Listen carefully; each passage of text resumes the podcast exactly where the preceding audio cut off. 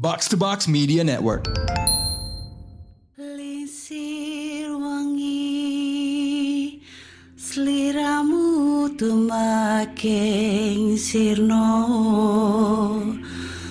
Ojo tangi kan Awas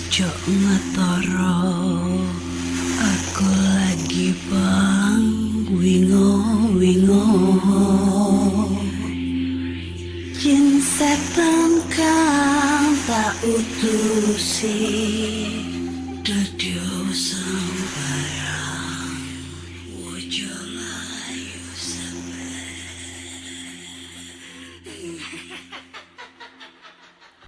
Re, yo apa kabar Ketemu lagi dengan aku si Ana di podcast kisah horor. Dan kali ini kita bertemu di sesi binor.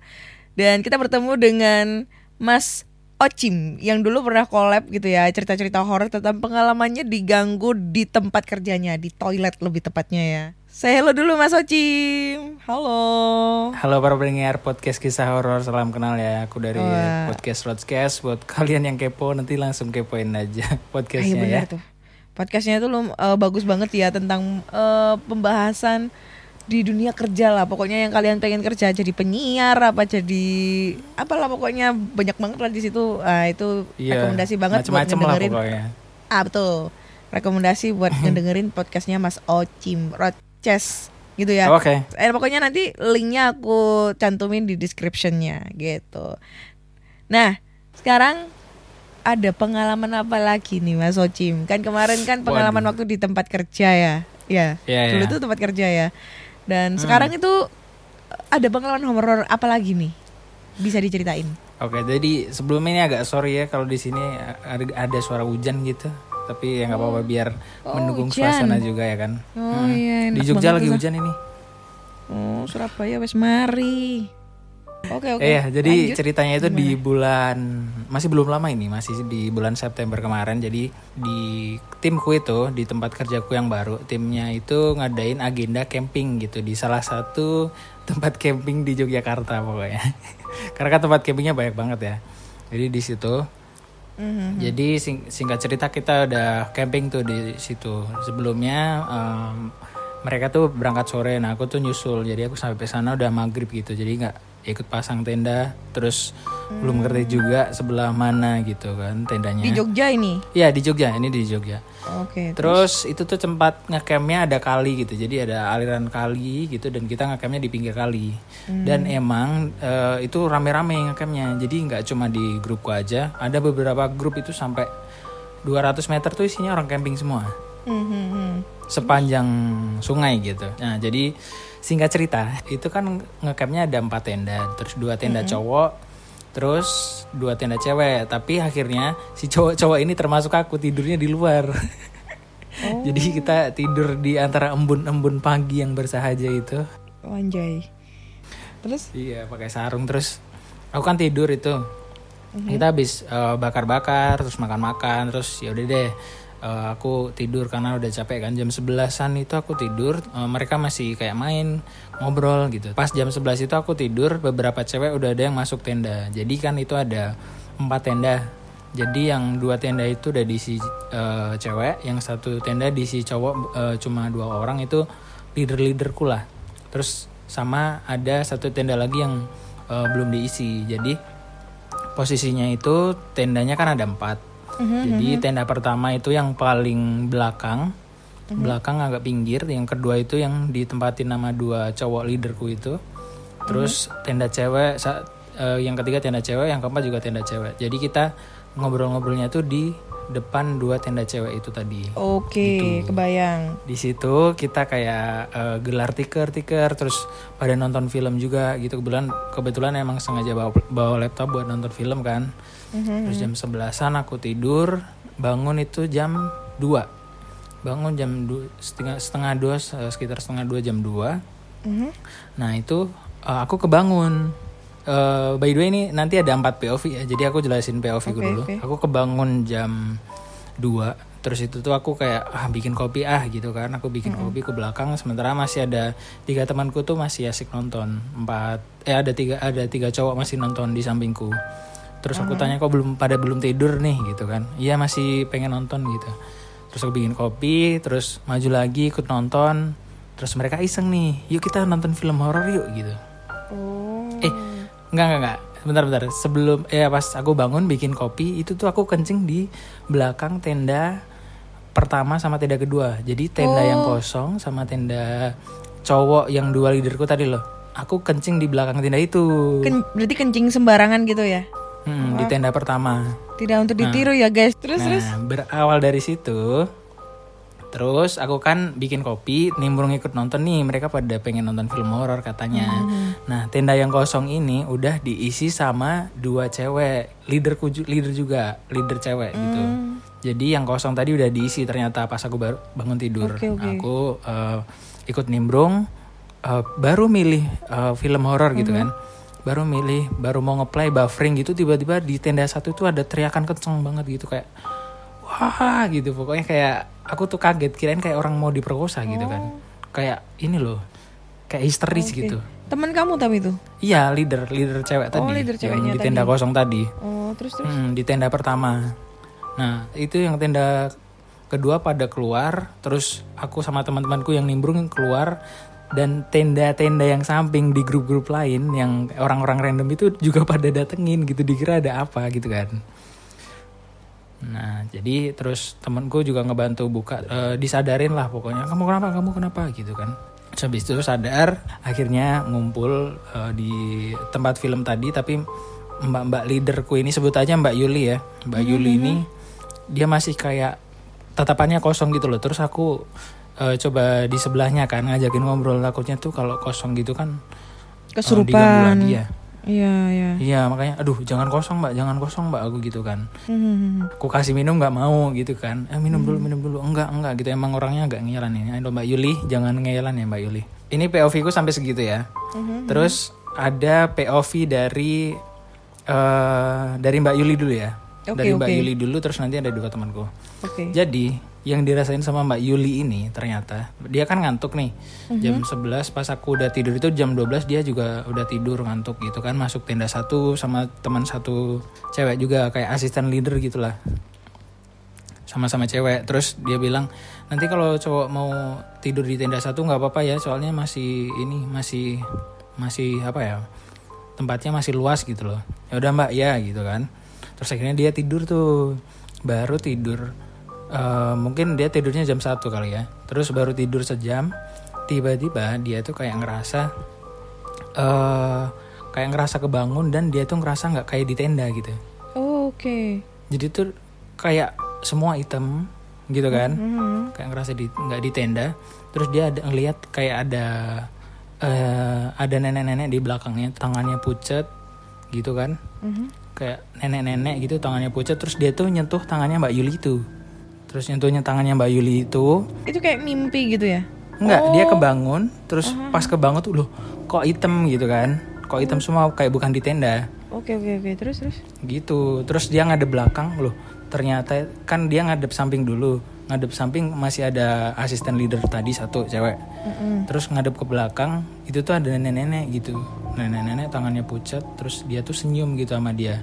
Terus tangannya dipegang. Nah, dari situ dia teriak. Teriakan, wah gitu kan kayak takut kan. Terus tapi tuh dia tuh kayak ngebuka-buka tenda tuh kayak ditahan-tahan gitu. Jadi dia tuh mau ngebuka tenda kayak nggak bisa. Padahal tendanya tuh gampang banget dibuka. Oke. Nah, jadi dia tuh kagetnya di situ kayak mana gelap gak ngerasa kayak di tenda gitu. Dia padahal itu masih ada lampu juga di tenda kedua dan tempat kita nongkrong tuh masih ada ada lampunya dikit gitu. Jadi nggak nggak gelap-gelap banget gitu loh kak.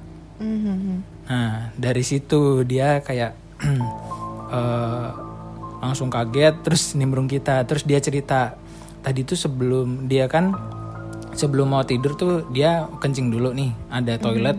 Jaraknya dari tenda itu sekitar 200 meter gitulah.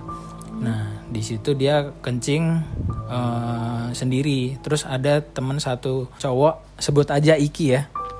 Dia nyusulin Mbak Yuli ini gitu. Hmm. Habis kelar kencing dia kan mau balik ke tenda tuh Jadi di tenda itu tuh ditutupin semak-semak gitu kak. Jadi ada jalan setapak. Terus kita belok kiri di balik semak-semak itu ada tenda kita. Jadi Oke. kalau kita nggak masuk semak-semak itu tuh te- tendanya kayak cuma kelihatan lampu-lampu aja gitu. Oh, iya. Hmm, samar-samar. Apalagi itu kan malam ya. Hmm. Ternyata ada POV dari temanku Mas Bobby. Ternyata Mas Bobby itu lihat kayak Mbak Yuli sama Mas Iki itu eh, pas datang ke tenda itu kayak bertiga. Loh, tadi cuma berdua kok. Ada ya satu orang lagi di belakangnya, di belakangnya Mbak Yuli ini. Gitu.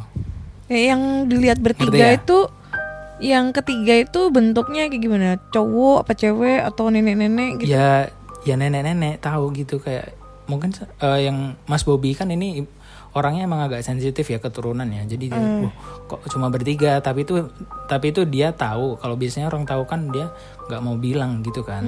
Jadi cuma kayak ya udah sekedar tahu aja buat dia sendiri gitu. Oh, berarti cuma dia Nah. bilang dia ngelihat eh, mereka itu ada tiga gitu ya. Maksudnya dia tuh ngelihatnya si Yuli sama Iya, si Iki itu terus ada satu lagi cuma dia nggak bilang itu bentuknya nenek-nenek atau apa gitu. Uh-uh. Pokoknya orang gitu ya. Iya, Oh, Oke, oke. Iya, eh, jadi Mas Bobby ini tahu sebenarnya, loh, kok ada tiga orang gitu kan? Nah, sebelum bisa masuk ke semak-semak gitu, ternyata Mbak Iki itu, eh Mbak Iki, Mbak Yuli itu ternyata eh, kesasar dulu, kayak ditarik gitu. Padahal kan jarak harusnya 100 meter udah belok kiri. Nah itu tuh kayak se- 100 tapi tetap kayak lurus gitu. Terus, terus bilang ke eh, Mas Iki kan, Mas Iki ini kayaknya kebablasan deh kita. Enggak mbak ini mbak gitu kayak seolah-olah masih ditarik gitu kan. Terus akhirnya nggak nemu, dia putar balik. Oh ternyata kita kelewatan. Jadi kayak ditarik sama yang orang ketiga itu loh. Oke. Nah pas udah masuk semak-semak, Mas Bobinya lihat, oh kok tiga orang gitu kan. Mhm. Udah mulai curiga nih. Usut punya usut, ternyata Mbak Yuli ini masih keadaan mens. Oh, datang bulan. Mhm. Iya, jadi kalau yang amis-amis Iya, ya bau-bau amis gitu. eh, katanya, kata Mas Bobi itu kalau misalkan orang mens gitu, eh, kan, biasanya kan eh, sensitif ya sama hal-hal begitu ya. Iya, betul. Apalagi kita tempatnya ngecampnya di pinggir kali, terus semak-semak gitu kan, semak-semak baru kayak lapangan eh, apa tempat yang agak luas buat apa namanya buat camping itu. Mhm. Oke, da- jadi dari situ Mbak Yuli tuh nggak ngerasa sebenarnya. Jadi kayak cuma dia cerita aku tadi tuh sebelum masuk uh, ke semak-semakin itu sempat kebablasan dulu sama Mas Iki ini. Sempat kita uh, nyari-nyari tenda kita mana tapi nggak nemu gitu kan. Mhm. Nah, terus kita ke POV Mas Alex ya sebelum ke Mas Bobby. Soalnya Mas Bobby ini yang paling sensitif jadi dia nanti lihat banyak banget. Oke, oke. Kita dari POV Mas Alex dulu. Jadi aku pas bangun tidur itu ada si Mas Alex, Bobby sama temanku satunya lagi. Nah, dia lagi eh, kita lagi nonton film nonton film horor tadi loh, Kak. Jadi kita masih eh, mil- baru milih-milih film horor, udah buffering terus teriak. Nah, Mas Alex ini dia tuh paling gercep sendiri. Dia juga agak sensitif orangnya, tapi dia tuh ngerasa kayak kita tuh responnya lama banget gitu loh. Maksudnya respon gimana nih? Ya ka- kan eh, Mbak Yuli kan teriak tuh. Oh, Terus Mas Alex tuh langsung langsung lari ke tendanya terus sampai ke tenda tuh loh kok nggak ada yang ngikutin aku kayak aku sendiri gitu. Oh, Oke, oke, oke. Jadi tuh kayak kita itu kayak nggak bereaksi apa pun buat nolong gitu. Mhm. Tapi padahal sebenarnya kalian nolong. Iya padahal nolong juga cepet juga tapi tuh Mas Alex ngerasanya loh kok pada nggak ngerespon ini gitu kan dia sampai di sana sendirian sampai di padahal jaraknya tuh nggak begitu jauh loh dari tenda 2 ke tenda satu tuh. Mhm. Terus Mas Alex itu langsung bisa eh, ngebuka tenda. Dia tuh langsung ngebu- bisa ngebuka tenda dengan gampang gitu kan, seret gitu. Terus dia lihat Mbak Yuli tuh ngadep belakang dan dia diem dan asisten asisten leader cewek satunya tuh dia ngelihat Mbak Yuli tapi diem juga. Jadi dua-dua ini pandangannya kosong, satu kosong ke samping, satu kosong ke belakang gitu. Mbak Yulinya lihat ke belakang tenda. Kayak ngelihat pandangan kosong gitu. Mungkin dia lihatnya pas si nenek senyum terus megang tangannya, mungkin ya yang dia rasain. Nah, habis teriak itu kan kalau eh, orang normal habis teriak kan pasti masih lanjut teriak kayak histeris kan. Nah, itu tuh habis teriak tapi Mas Alex pas habis ngebuka tendanya itu mereka dua udah pada posisi diem, nggak ngerti gitu. Jadi Mas Alex tuh pas sudah masuk udah pada diem gitu. Padahal teriaknya tuh baru banget, sedetik kemudian langsung nyamperin gitu loh. Otomatis Oke. kan kalau habis orang teriak kan harusnya deg-degan dulu, panik dulu kan. Tapi itu Iya. posisinya diem berdua dalam tenda. Agak aneh di situ. Terus eh, Mas Alex ini langsung eh, muterin Mbak Yuli langsung di depannya Mbak Yuli. Kan Mbak Yuli ada belakang tuh. Dia langsung eh, muterin langsung ke depannya Mbak Yuli langsung ditepuk gitu. nggak sadar-sadar ditepuk langsung dia kayak Mbak Yulinya langsung eh, setengah sadar gitu kayak kayak lega gitu loh. Kayak kaget gitu ya. Iya kayak kaget mungkin apa ya kayak mau kemasukan kayaknya ya. Soalnya kan itu posisinya juga eh, lagi mens ya mbak ya. Hmm. Mbak si Mbak Yulinya langsung ditenangin tuh sama si Mas Alex itu kan dia juga agak sensitif orangnya jadi pas ditepuk tuh langsung sadar langsung dibawa ke posisi tenda 3 sama 4 itu yang rame-rame itu jadi pas Mas Alex eh, udah sampai di dalam teman-teman tuh kayak baru nimbrung ikut di depannya gitu loh. Padahal kita tuh juga langsung refleks gitu. Hmm. dan semua semua orang dari beberapa grup di camping-camping itu kanan kiri juga ikut nimbrung ada apa ada apa? gitu. Terus eh, Mas Alex mungkin udah ngerti kayak kayak enggak enggak ini cuma mimpi aja gitu. Jadi eh, kalau kayak gitu kan nggak boleh disebutin ya mungkin ya kalau di tempat kayak gitu. Jadi dia alasannya enggak ini eh, lagi ngelindur aja gitu Hmm. bisa aja si Mas Alexnya juga ngeliat mungkin ya tapi dia nggak cerita ke aku sih Ya mungkin lebih kayak apa ya takut kalian takut atau gimana jadi mungkin apa ya malah nanti malah nular ke lainnya kesurupan ke lainnya malah bingung betul lagi betul tuh. betul Aha. Ya gitu. Terus akhirnya si Mbak Yuli eh, dibawa ke tempat tenda tadi terus ngobrol sama aku biar nggak kosong kan gitu. Kita masuk di POV Mas Bobby ya sekarang ya. Hmm, Oke. Jadi setelah kejadian itu kita kan cerita-cerita tuh habis di kantor. Nah, jadi Mas Bobby itu ternyata eh, dia kan bawa ceweknya ya, eh, calon istrinya gitu. Hmm. Ikut ngecamp bareng tim kita gitu. Nah dia tuh juga ngejagain istrinya makanya dia eh, nggak mau jauh-jauh dari tenda keempat karena tenda keempat kan diisi sama cewek-cewek semua tuh. Nah calon istrinya itu di eh, kita sebut ceweknya aja ya di tenda keempat. Makanya dia nggak mau jauh-jauh dari situ. Karena ternyata Mas Bobby ini dari awal datang dia tuh udah ngerasa di samping kali itu ada tiga nih. Ada tiga tempat yang eh, ada sosoknya di situ. Hmm. jadi di seberang kali itu kan kayak ada kebun-kebun gitu tapi agak kering. Nah, di situ tuh ada bagian kanan itu ada satu warna putih terus di atas kebun-kebun itu ada jalan gitu, jalan ke arah pegunungan. Nah, di deket jalan itu ada sama yang agak kiri dikit seberang kali juga ada. Ternyata Mas Bubi itu udah ngerasa oh ternyata ada nih di sini gitu kan makanya dia pas istrinya eh, apa ceweknya mau tidur dia jagain di depan tenda takutnya kenapa kenapa gitu itu kan Mbak Yuli ke toilet tadi sebelum tidur sama Mas Iki tadi kan nah dia tahu nih pas eh, habis balik ternyata diikutin sama satu sosok tadi nenek-nenek tadi kan mungkin Oke. Nah, aku cerita nih ke Mas Bobi nih. Tapi sebelum itu aku tuh eh, habis bangun tidur kan sebelum apa? Sebelum kejadian teriak-teriak tadi tuh aku kencing di belakang tenda loh Mas gitu. Pantesan. Soalnya kamu kencing di belakang tenda makanya kayak kurang ajar gitu. Oh, iya sih sebenarnya sih kebanyakan dari eh, cerita pendengar eh, pendengar dari podcast kisah horor yang ngirim ceritanya tuh Hmm. kalau diganggu gangguin pada saat mereka lagi di tempat eh, yang entah itu naik gunung apa segala macam itu kebanyakan gara-gara kencing sembarangan atau buang sampah sembarangan bahkan ada yang lagi menstruasi kayak gitu-gitu. Nah itu yang paling sering diganggu sih. Apalagi yang Oh, kencing iya, iya itu sih. karena emang kalau pipi sembarangan itu kan kayak kita mengotori langsung tempatnya mereka gitu loh. Kayak seakan-akan Iya. eh, lu tuh udah nggak nggak sopan sama gua di rumah gua kayak gitu-gitu. Kan kamu nggak iya kan kita kan nggak tahu ya pas kita pipis itu apa yang kita kencingin. Ntar pas kencingin anaknya mereka kayak kepalanya kayak atau apa kayak gitu-gitu Ya mungkin ya. Hmm. Mm-mm. Nah di di sekitar situ tuh juga banyak kotoran hewan gitu kayak kotoran kambing gitu kayaknya buat angon kambing kayaknya gitu. Nah aku kan cerita ke Mas Bobi ya soalnya aku kencing eh, di belakang tenda mas soalnya kebelet mau ke toilet kan jauh ya kak ya. Aku kan kebangun karena dingin terus ya udah pipis di belakang tenda gitu kan. Aku kan orangnya juga dibilang nggak penakut dan kayak gitu tuh maksudnya kayak ya udah emang ada tapi itu aku nggak takut mungkin karena eh, biasanya katanya ya kata temanku tuh kalau misalkan orang yang takut itu bakal lebih gampang diganggu daripada yang orang yang berani karena mereka sasaran empuk gitu katanya. Nah masalahnya Mbak Yuli ini lagi mens dan dia orangnya juga penakut jadi sasaran empuk double nih. Iya, soalnya kan dia lagi eh, datang bulan sih. Iya. gitu. Cuma gitu. gua tuh dulu pernah sih ya eh, sedikit cerita ya. Hmm. Gua kan sebelum Ya.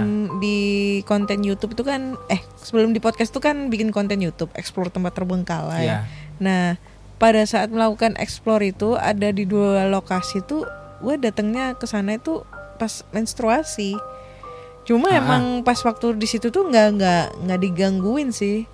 Mungkin karena aku Oh, karena? orangnya skeptis atau mungkin aku orangnya kayak lebih apa ya? Hmm, maksudnya Bodo amat gitu. Uh, uh, maksudnya aku pas posisi datang ke situ tuh bukan dalam keadaan yang takut atau yang Oh, iya, iya, gimana kayak gitu. Nah, jadi kayak kurang peka gitu loh. Tapi biasanya sih kalau Iya, iya. ada orang yang emang misalnya nih dia lagi keadaan datang bulan terus emang orangnya ini penakut Hmm. gitu. Nah, itu kayak ibaratnya tuh jadi sasaran empuk si makhluk tersebut gitu loh buat Iya. nakut-nakutin atau apa segala macem. Buat ngambil energinya kan. Mm-mm. Kayak gitu-gitu. energi takutnya itu. Nah ternyata tadi kan Mbak Yuli sama Mas Iki ngalamin ditarik tuh, ditarik lurus eh, nggak ke tenda kan. Ternyata Mas Bobby ini waktu ke kamar mandi juga ng- ngalamin kayak gitu. Jadi Mas Bobby ini sebelum ada kejadian itu dia kan ke toilet dulu juga sebelum eh, Mbak Yuli sama Mas Iki tadi. Dia ke toilet juga sama ceweknya mau kencing lah atau mau sholat kayaknya dia. Terus dia pas balik kan berdua tuh. Pas balik itu kan jalannya 100 meter kisaran 100 meter terus baru belok kiri ke semak-semak di tenda. Nah itu kalau eh, Mas Bobby itu ternyata dia juga ditarik sama ceweknya ditarik lurus gitu. Jadi eh, bablas lagi gitu. Kayak kan dia ngerasa banget ya apa namanya orangnya sensitif. Eh, untung itu disadarin sama ceweknya. Loh ini bukan di sini ayo kita balik gitu kan. Enggak ya masih di depan gitu kata Mas Bobby terus disadari enggak ayo ikut aku gitu mungkin. Terus diajak putar balik baru eh, balik beberapa puluh meter baru belok kanan. Nah bener baru nemu di situ. Ternyata yang di ngalamin ditarik itu bukan cuma Mbak Yuli tapi Mas Bobby juga ternyata. Dan katanya emang eh, di situ kuat gitu loh tarikannya.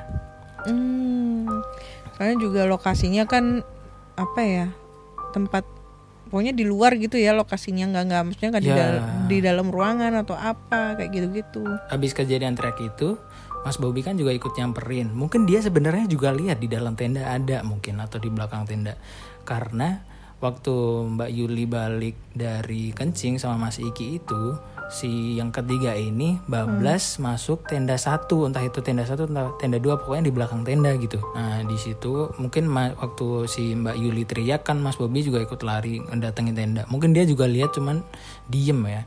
Soalnya tuh biasanya orang yang sensitif tuh kalau lihat mereka kayak disimpan buat diri sendiri gitu. Entah eh, besok setelah nggak di situ baru diceritain biasanya gitu kan. Hmm. bis dari Mbak Yuli teriak itu tadi Mas Mas Bobby ini ngerasa kayak rame banget gitu. Kayak padahal itu tuh kita cuma satu grup ya tapi tuh rasanya rame banget di semak-semak ada di belakang tenda ada jadi kayak kayak rame. Terus kata Mas Bobby itu ya karena ini kan kalau hal-hal kayak gitu tuh sebenarnya caper ke kita ya. Jadi waktu Mbak Yuli teriak itu mungkin semuanya juga pada ikut nimbrung gitu. Karena mungkin sasaran empuk kali ya. Jadi Iya. ternyata di belakang tenda 34 itu ramai banget Mas Bobi ngerasain. Di belakang tenda 2 sama 1 itu ada lagi ramai ramai juga gitu. Jadi Mas Bobi itu juga masih ngejagain tenda 4 karena ceweknya di sana. Jadi dia nggak mau ada kenapa-kenapa kan.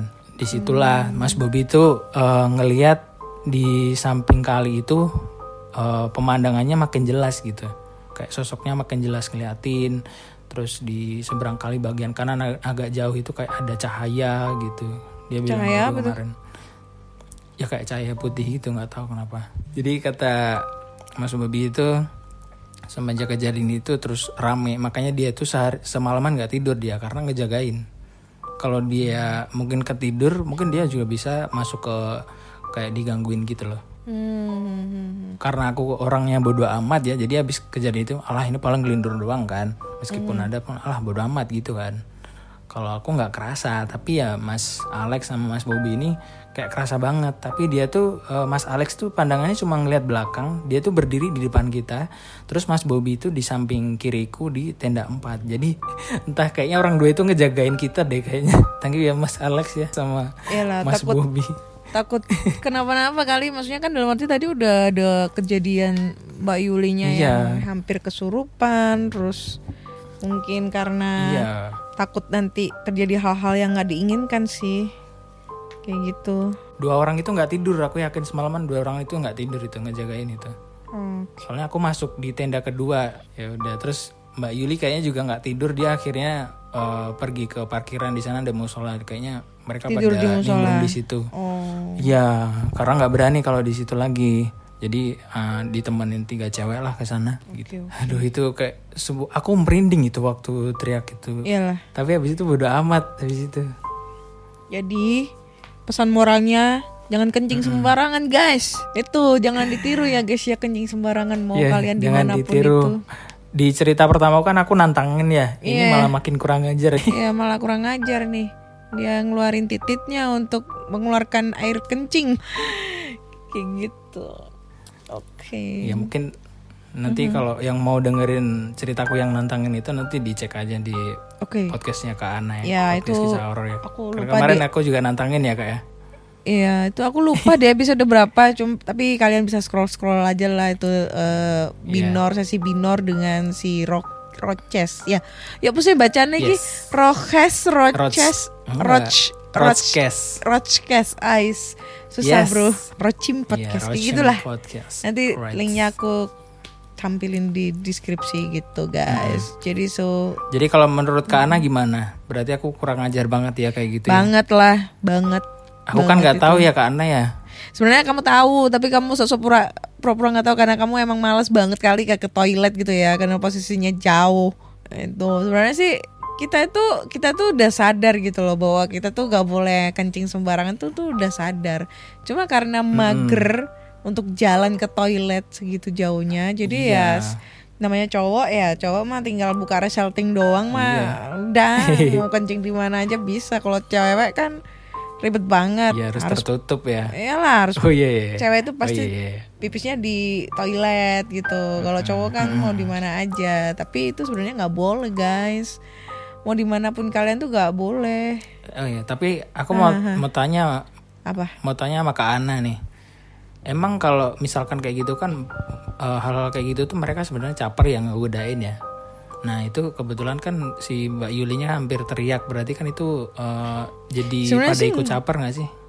Kan habis itu rame tuh di belakang-belakang, Di belakang-belakang gimana tuh ramenya?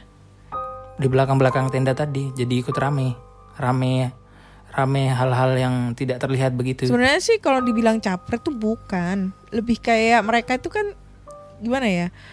Semisal gini nih, lu Hmm, eh, lagi bertamu di rumah orang. Tiba-tiba kamu ya, kamu mungkin buang sampah sembarangan di situ atau kamu mungkin Ya. mengotori gitu yang dengan hal disengaja. Pasti yang punya rumah itu kan situan rumah itu kan pasti bakal kesel sih marah gitu kan. Ya sama aja dengan mereka. Kalau misalnya kamu pipis nih di sembarangan tempat gitu. Padahal di situ udah dilarang nggak boleh pipis sembarangan tempat gitu. Nah, hmm. Ya pasti yang pun yang ngejaga tempat itu pasti bakal marah gitu loh. Dan mungkin kan yang ngejaga yang punya ru- rumah itu kan gak satu dua penunggu tapi mungkin bermacam-macam gitulah banyak banget gitulah yang akhirnya ya kayak mikirnya kamu udah mengotori ya mau nggak mau kamu juga harus meng ngebersihin lah atau apa atau kamu harus nerima akibatnya. Nah di satu sisi lain eh, temanmu juga posisinya dalam keadaan datang bulan. Jadi kayak ibaratnya sasaran empuk gitu loh. Nah gitu. Iya. Em, aku sih kalau aku sih bukan lebih ke penakut ya. Mungkin karena apa ya kayak kayak kalau takut itu pasti ada takut sih. Cuma kan mikirnya kan derajat kita tuh kan jauh lebih sempurna dibandingkan makhluk halus gitu. Jadi ya apa hal yang ditakutkan. Tapi bukan berarti kalau kita nggak takut itu harus melarang untuk pipis sembarangan gitu guys. Nah, betul betul. Itu. Yang penting saling menghargai menghargai aja. Aku dari situ dapat pelajaran kalau mau kencing itu ya minimal duduk sama baca bismillah lah. Bismillah gitu kayak amit-amit gitu loh. Terus disiram Ya, gitu. nah tapi kalau misalnya kalian mungkin si cowok-cowok ini kebelet banget dan nggak ada toilet ya mungkin sediain botol kayak Hmm. apa gitu botol aqua gitu ditaruh di situ kayak gitu-gitu Hmm. biar nanti kalau udah selesai baru dibuang di toilet kayak gitu-gitu sih biar ya biar selain kita menghormati orang yang apa ya yang menunggu di situ juga kita nggak boleh ngotorin lingkungan juga gitu Iya iya iya. gitu guys Aduh. Jangan ditiru ya teman-teman para pendengar podcast kisah horor nih. Jangan, jangan ditiru. yang jadi korban malah temanku. Iyalah, jangan kasihan. Oke, kalau gitu, mhm, terima kasih banget Ocim untuk ceritanya ini. Ya. Gua nggak collab nih ke podcast lu. Ah, boleh boleh mampir Wah. juga boleh. Ayo sini. Ya, Aku bikinin kopi deh. Alhamdulillah, aku akhirnya diajak collab. So buat teman-teman semua nih ya, terima kasih udah ngedengerin podcast kisah horor. Ya. Dan jangan lupa juga dengerin podcast kisah horor di semua platform kesayangan kalian, Spotify, Po- Noise, Google Podcast, Apple Podcast dan lain-lain. Jangan lupa juga kalau kalian punya cerita-cerita horor nih, kalian bisa langsung aja kirim cerita ke cerita kalian ke podcastkisahhoror@gmail.com dan jangan lupa juga dengerin podcastnya si Mas Ocim ini di Rochcast eh bener kan omonganku Iya bener. Untuk kali ini bener ya. Nah, di Rochcast ini eh, membahas tentang bukan horor, bukan juga komedi, tapi lebih ke diskusi tentang pengalaman teman-temannya. Kalau aku sih ngedengernya lebih ke pengalaman teman-temannya di dunia kerjanya. Oh iya, gitu. ah, bener. Bener bener. bener. Ah, di dunia kerja. Jadi misalnya nih kalian butuh referensi kerja di jadi reporter, enak nggak sih? Nah butuh referensi bisa dengerin Rochcast ini gitu guys. Nanti linknya aku cantumin di description aku. Oke? Jadi Oke. makasih Thank banget ya Kak. Mas Ocim udah mampir. Ya, thank you juga Nanti udah ada- boleh mampir ya. Ay siap. Nanti kalau ada cerita-cerita horor mah mampir lagi. Oke. Oke, terima kasih. Saya Ana undur diri dan bye bye.